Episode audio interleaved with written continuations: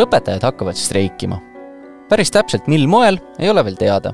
küll aga on streigi alguskuupäevana välja kuulutatud kahekümne teine jaanuar. haridustöötajate liidu esimees kuulutab, et valitsus on ignorantne ja sõnamurdlik. riigi rahakotti valitsev Reformierakond on seejuures teinud mitmeid möödalaske, kuid ei paista ka nüüd painduvat. uudiseid vaadates näib, et seda rongi enam teisele teele ei suuna, streik tuleb.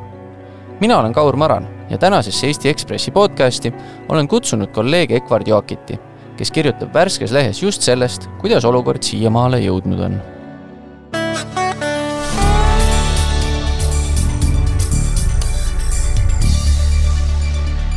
no tere, Ekvard! tere!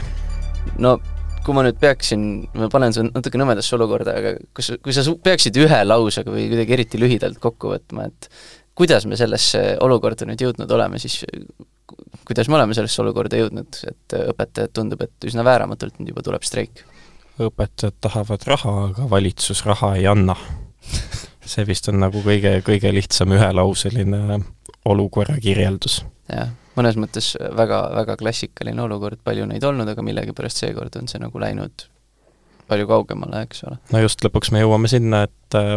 eks ka paljud teised tahavad raha, aga kui mõni valitsusasutus ei saa raha, et uut maja ehitada, siis äh, Andres Kuusk ja, ja, ja Johannes Tralla streikima ei hakka, kui uut maja ei ole, aga, aga õpetajate palga küsimus, eks ole, see on neile nii-öelda isiklik, mitte ainult töötingimuste küsimus, vaid lõpuks küsimus on nende toimetulekus, kas nad suudavad enda korteri üüri maksta, poest toitu osta ja nii edasi. no ja lisaks veel kõik teised inimesed, kes tahavad, et nende lapsed ka veel haritud saaks, eks ole aga võtaks äkki alustuseks, noh, ma olen nagu ise ka selleks podcastiks praegu valmistudes, ma olen lugenud neid erinevaid kokkuvõtteid, hetkeolukordi, et, et mis see, mis see seis parajasti on õpetajate streigiga. äkki sa saad korra lihtsalt äh, kuulajatele lahti rääkida selle, et kuidas üldse see õpetajate palgasüsteem käib, et kust see üldse tuleb, äh, kuidas see kehtestatakse, et see on nagu selles kontekstis oluline? kui nüüd hästi lihtsalt võtta, siis enamus koole on meil munitsipaalkoolid, ehk neid peavad omavalitsused, mis tähendab, et riik eraldab omavalitsustele teatava summa raha, et maksta õpetajatele palka. see raha eraldatakse siis ähm, kahes osas, on nii-öelda baasosa, see on äh, miinimumpalk, mis praegu on tuhat seitsesada nelikümmend üheksa eurot, lisaks eraldatakse praegu seitseteist koma natukene protsenti nii-öelda diferentseerimisfondi, see on siis see, mille pealt saab maksta õpetajatele erinevat töötasu, ehk näiteks saab maksta lisatasu uurimistööde juhendamise eest, eksamite parandamise eest ja nii edasi. noh, nüüd selge on see, et järgmisest aastast diferentseerimisfond tõstetakse kahekümne protsendi peale ja, ja see nii-öelda baasosa ehk miinimumpalk tõuseb äh, natuke üle tuhande kaheksasaja euro. ja hetkel, mis meil see miinimumpalk ja keskmine palk õpetajatel on? Äh, miinimumpalk on tuhat seitsesada nelikümmend üheksa eurot, keskmist palka ka üle riigi, mul on natuke keeruline praegu peast öelda, aga ta maakonniti varieerub, kõige suurem on ta Harjumaal, kus ta on äh, peaaegu kaks tuhat kakssada eurot, samas noh, kuskil äh, maakohtades, kõik Raplamaad, Valgamaad ja nii edasi, ta on seal kuskil tuhande kaheksasaja kaheksakümne kuni tuhande üheksasaja kaheksakümne euro, euro vahel. okei okay., aga paneme paika meie me hakkame seda lugu nüüd lahti rääkima, paneme paika meie loo peategelased, kes need on, kes meil siin figureerima hakkavad? noh, lõpuks äh, nagu kõiksugu kollektiivläbirääkimistes ikka, õpetajatel on oma ametiühing, mille esimees on äh, Reemo Voltri, haridus-teadusminister on Kristina Kallas Eesti kahesajast ja seal on hunnik äh, kõiksugu taustategelasi, kes on siis peamiselt poliitikud erinevatest erakondadest, olgu nad koalitsioonis või, või opositsioonis, kuigi noh,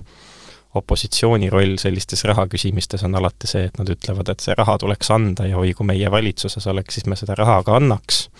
noh, praegu on kõigil ka seda väga mugav öelda, sest tegelikult äh, valimistel lubasid õpetajate palga tõsta saja kahekümne kuni saja kahekümne, saja kolmekümne protsendini Eesti keskmisest kõik äh, Eesti erakonnad peale EKRE, mis äh, valimisprogrammis sõna õpetaja üldse ei maininud, sest noh, küllap neil oli oli olulisemaid küsimusi, mida nende valija jaoks oli vaja valimisprogrammis käsitleda. nii, aga hakkame otsast tulema, et äh, kust see nagu pihta hakkas, et see, äh, see protsess, mis meid on siia toonud, et, äh, et, et kust see niimoodi kiiva kiskuma hakkas? No laias laastus kevadel pandi kokku koalitsioonileping, kuhu sai siis erinevate erakondade lubadusi sünteesides, ma nüüd praegu natukene, natukene tulistan peast, ma loodan, et ma ei eksi, Eesti kakssada kindlasti lubas, et hea õpetaja palk tõuseb saja kolmekümne protsendini riigi keskmisest, see, mis asi on hea õpetaja, nad äh, defineerida kuidagi valimiskampaania käigus ei suutnud, Reformierakond lubas sada kakskümmend protsenti keskmist ja, ja sotsid äh, äkki lubasid sada kakskümmend viis äh, sotside osas, ma olen hetkel kõige ambivalentsem, et ma võin eksida. aga noh, koalitsioonilepingusse sai see siis kõik kirja pandud niimoodi, et, et äh, tõstame õpetajate palga saja kahekümne protsendini Eesti keskmisest, noh, ta on üsna ambivalentselt kirja pandud, teoreetiliselt võiks koalitsioon see aasta ka üldse mitte õpetajate palka tõsta, jätta tõstmata ka järgmine aasta, jätta tõstmata ka ülejärgmine aasta, siis tõsta oma viimasel valitsusaastal kohe hoobilt hästi palju, noh siis nad saaks ka öelda, et lubadus on lubadus on täidetud, et noh, otseselt nad lubadust koalitsioonileppega ei andnud õpetajatele, et me nüüd äh, aastast kaks tuhat kakskümmend neli teie palka tõstame mm. -hmm. aga äh, mis hetkest siis või kuida-, kuidas õpetajate mis ta on, õpetajad, issand jumal, ma ei saa öelda praegu, õpetajate liit, ma tahan öelda, ütle mulle palun õige sõna. no nimetame seda õpetajate ametiühinguks, ametlikult ta nimi vist on Eesti Haridustöötajate Liit või, või midagi sellist. just, just, vabandust. oma mul... olemuselt on õpetajate ametiühing. ei, mul vabandust, lihtsalt aju, aju hetkeks ei töötanud, et mis hetkest nemad nagu aktiveeruma hakkasid või kust see nagu, nagu sinnapoole kiskuma hakkas, et et nemad oma nõudmisi hakkasid siis rohkem esitama? ei no eks nad aktiivsed on kogu aeg olnud ja ministeeriumiga suhelnud, et ähm, siin varasematel aastatel aastatel, kui õpetajate palka on niigi tõstetud, on äh, ametiühing peamiselt tegelenud siis selle nii-öelda karjäärimudeli küsimusega, ehk kui õpetaja on koolis töötanud kümme aastat või kakskümmend aastat, et siis ta kuidagi ka suuremat palka saaks, et noh, erasektoris me teame, et üldiselt mida rohkem sul on kogemusi, seda rohkem on ka pädevusi ja seda kõrgem on su palk, noh õpetajate puhul niisugust äh, mustrit ju tegelikult sisse juurdunud ei ole aga noh, palgaküsimuses nad aktiveerusid millalgi suve alguses, kui nad kohtusid äh, äkki see oli neljas juuni, võin natukene kuupäevaga eksida, kohtusid äh, haridusministriga ja, ja said sealt sõnumi, et äh, hetkel ei, ei oska ministeerium öelda, kui palju järgmisel aastal palka saab tõsta, sest noh, tol hetkel sai haridusminister aru, et äh, eelarvega on seis, nagu ta on, et, et raha ju tegelikult ei ole mm. -hmm aga sügisel läks asi nii-öelda päris päris käest ära. nojah, me võime, võime panna septembri alguses näpu maha ja öelda, oli üks kohtumine, kus äh,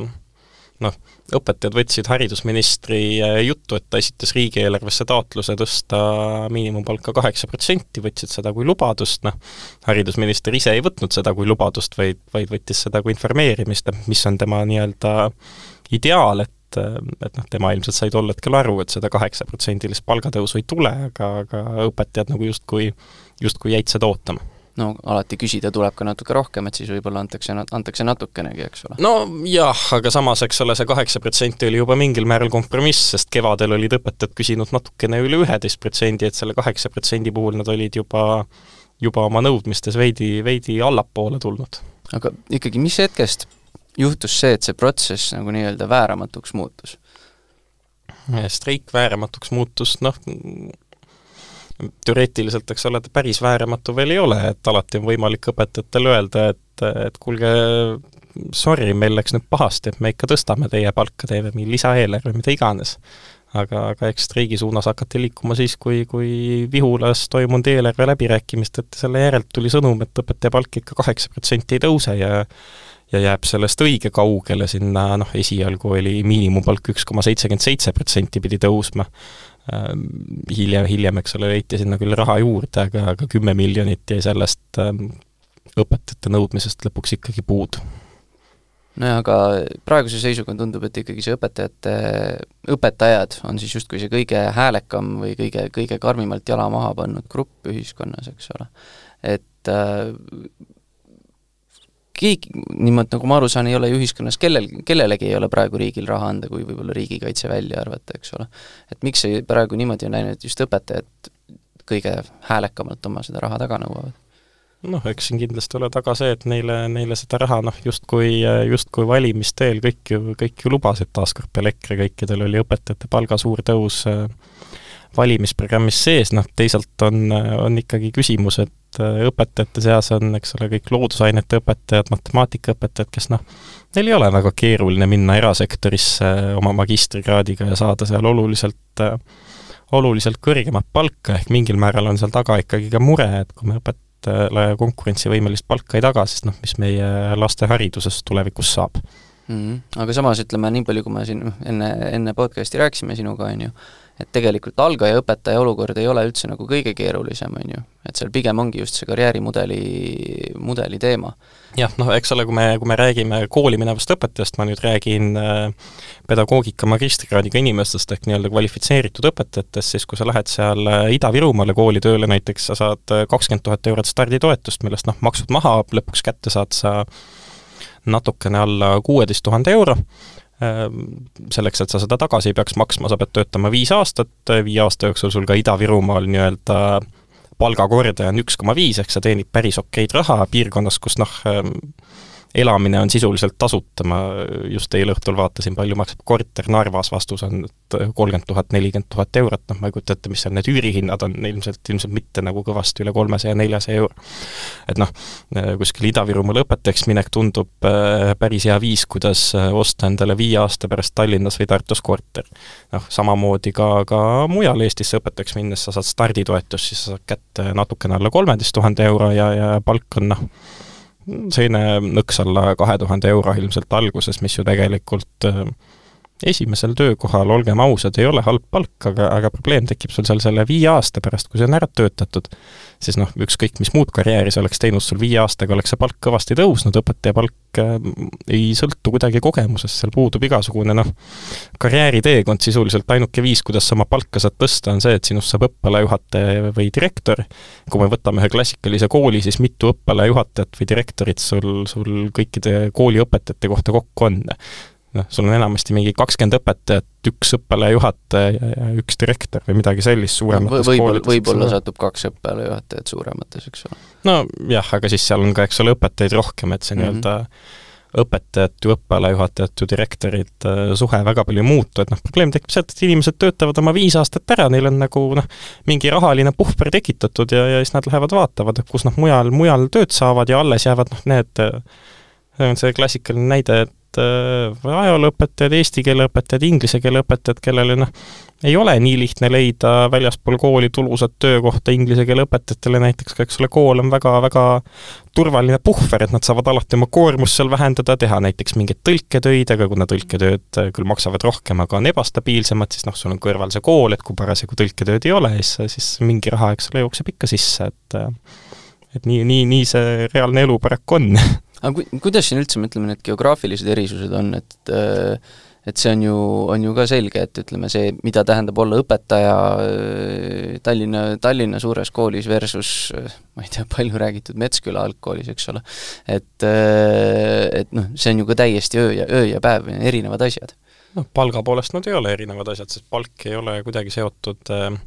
noh, riiklikult tasandilt hetkel sellega, mitut õpilast sa õpetad, et äh, võib-olla isegi jätame selle Metsküla kõrvale, aga räägime näiteks gümnaasiumiastmest, et äh, kui Tallinna suurtes gümnaasiumides sul on ühes klassis üle kolmekümne õpilase, siis kuskil maakohtades sul on gümnaasiume, kus sul äh,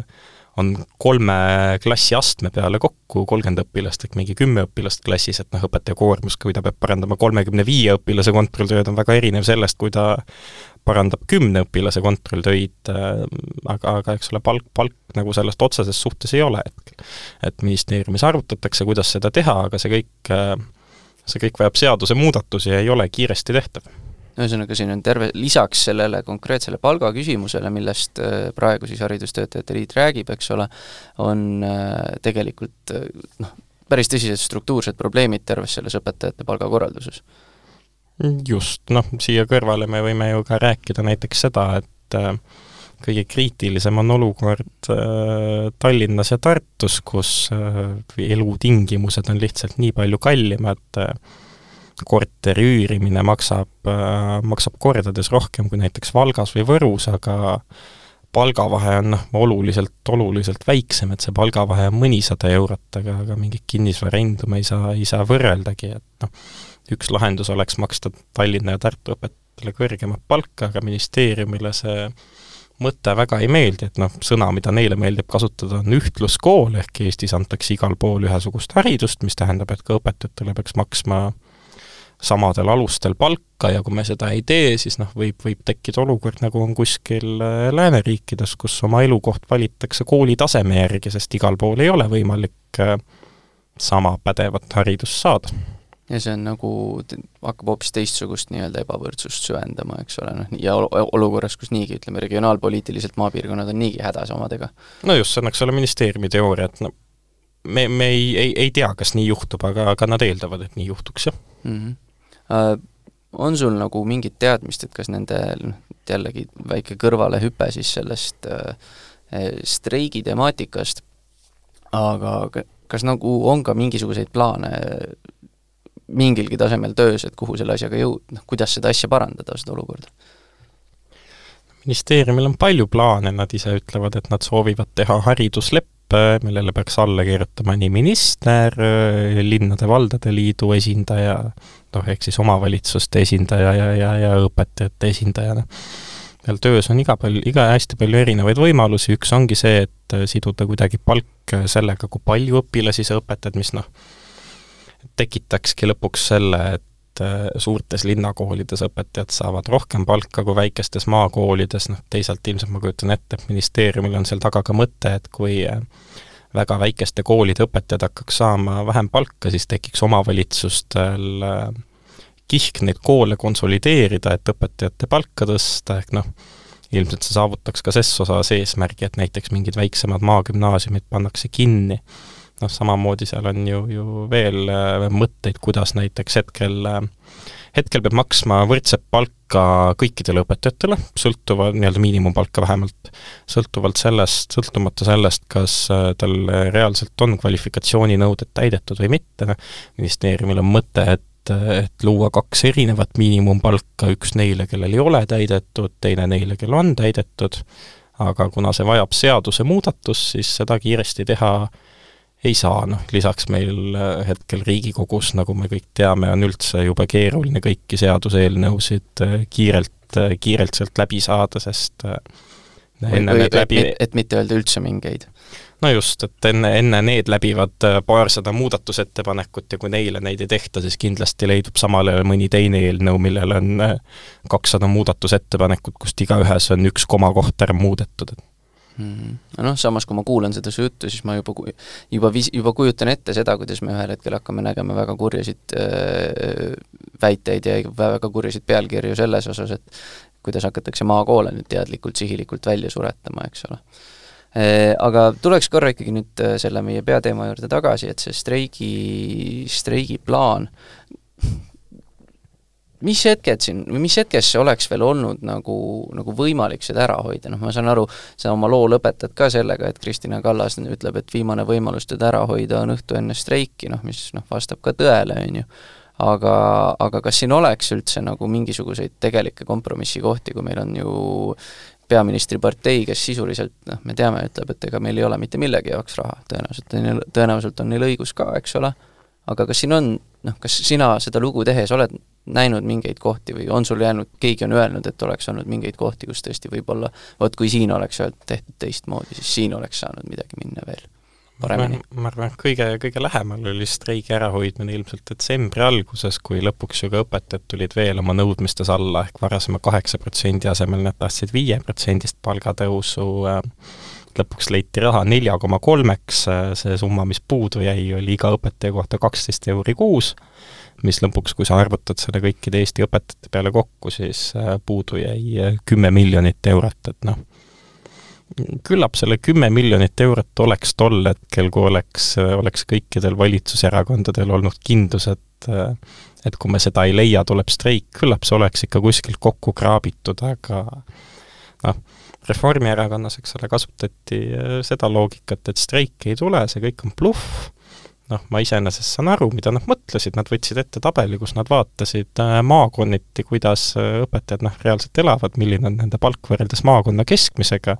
ja tegelikult ju kõikides, äh, kõikides maakondades peale Harjumaa ja Tartumaa on õpetajate keskmine palk juba praegu üle saja kahekümne protsendi riigi,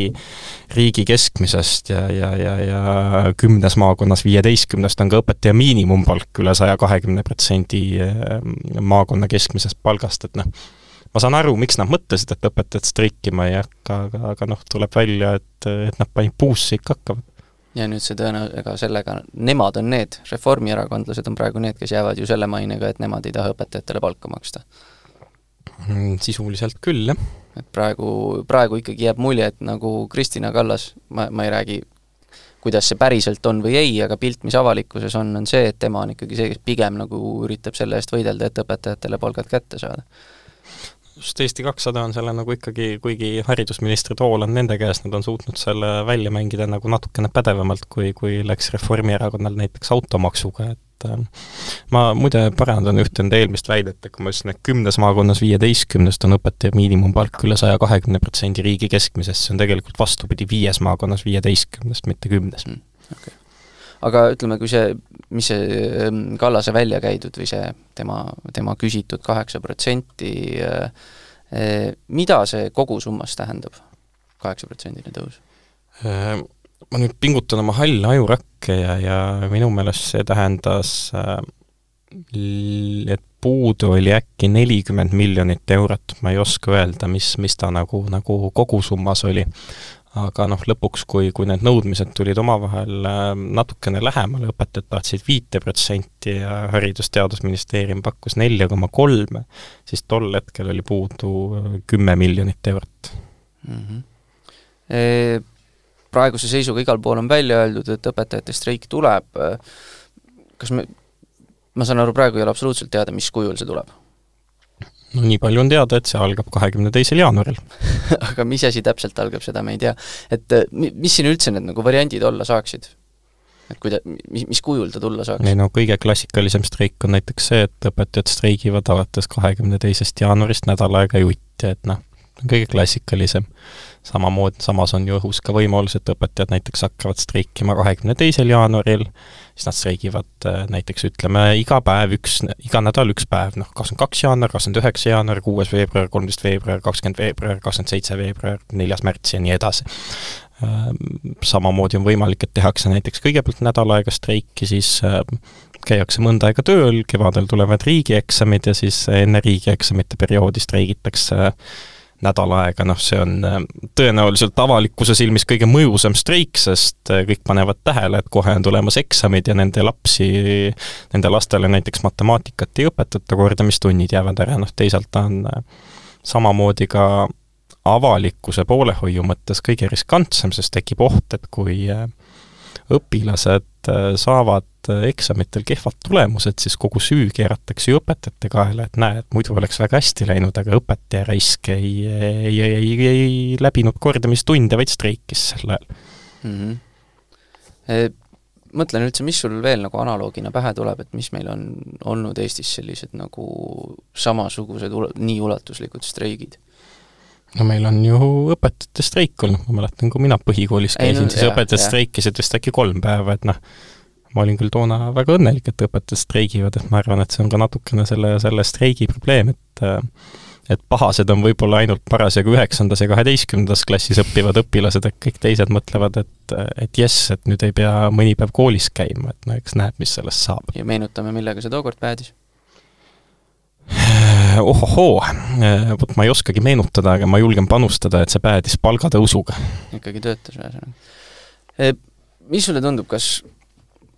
ma saan aru, see on, tuleviku ennustamine on absoluutselt tänamatu töö, aga kas äh, on see üldse võimalik enne seda, on see üldse võimalik seda veel ära hoida praeguse seisuga? Kristjan Kallas on lubanud, et tema selle nimel võitleb nii-öelda viimase õhtuni. Ma ei tea, see oleneb lõpuks kõik Reformierakonna tahtest, kas nad selle lisaraha leiavad, et Haridusministeerium on niikuinii miinimumini kärbitud, et äh, noh, vahest toimib poliitikas ka see loogika, et et kui valitsuses on mitu erakonda ja näiteks Eesti kahesajal on mitu haldusala ja siis nad kärbivad ühe oma haldusala kulusid selle jaoks, et teisele haldusalale raha juurde anda, aga noh, neil on natukene, natukene hetkel probleem selles, et teised kaks ministeeriumi, mis nende käes on, ehk majandus äh, majandusministeerium ja välisministeerium ei ole nagu väga, väga lihtsalt kärbitavad ministeeriumid, nagu on näiteks Sotsiaalministeerium, et on väga, väga keeruline leida seda kümmet miljonit eurot ka kuskilt sealt. noh, pluss lõpuks tekib see, et et sa ei saa seda kümmet miljonit leida ka näiteks mingi asja ehitamisest, sest ehitamine on investeering, ühekordne kulu, aga õpetajate palk on püsikulu, ehk sa peaks ikkagi noh, maha tõmbama püsikulu, et lisada see teise püsikulusse ehk õpetajate palka ühesõnaga, lõplikult selgub see asi ikkagi ka, lõplikult kindla, kindla sõnaga saame me seda öelda kahekümne esimese jaanuari õhtul, kas see nüüd tuleb või ei tule? noh, ma arvan, et natukene varem kui kahekümne esimese jaanuari õhtul, ma arvan, et, et ütleme, et kuskil viieteistkümnendal jaanuaril võiks see asi ikkagi juba üsna selge olla, et ma arvan, et et kellelgi ei ole päris neid illusioone, et me eelmisel õhtul hoiame streigi ära, pigem see ikkagi noh, ma arvan, et nädal aega on niisugune ajavälp, kus äh, kus, kus see võiks selge olla. noh, omaette küsimus on ju ka see, mis saab tulevikus, sest äh, tegelikult õpetajate palga tõstmine aastaks kaks tuhat kakskümmend viis saab olema veelgi keerulisem, sest aastaks kaks tuhat kakskümmend viis on meil niigi juba kuussada miljonit sisustamata kärpeid riigieelarves, mis noh, ilmselt tähendab, et peaks tõstma makse, samal ajal Reformierakonna rahandusminister ütleb, et maksutõusudest on rahval noh, kujundlikult siiber, rohkem nad neid ei taha, ehk ka sealt peaks justkui kuidagi kärpima ja noh, kus siis õpetajate palgatõusuks raha leitakse, ma arvan, et õpetajad tahavad ka siis umbes, umbes kaheksa protsenti, võib-olla isegi rohkem, kui nad see aasta oma nõudmist ei saa, et noh, jumal seda teab mhm. ühesõnaga on see väga, väga keeruline sasipundar ja meie Ekspressis hoiame sellele igal juhul äh, oma pilku peal aga ma tänan sind, Edward, tulemast ja järgmine nädal räägime podcastis juba uutest teemadest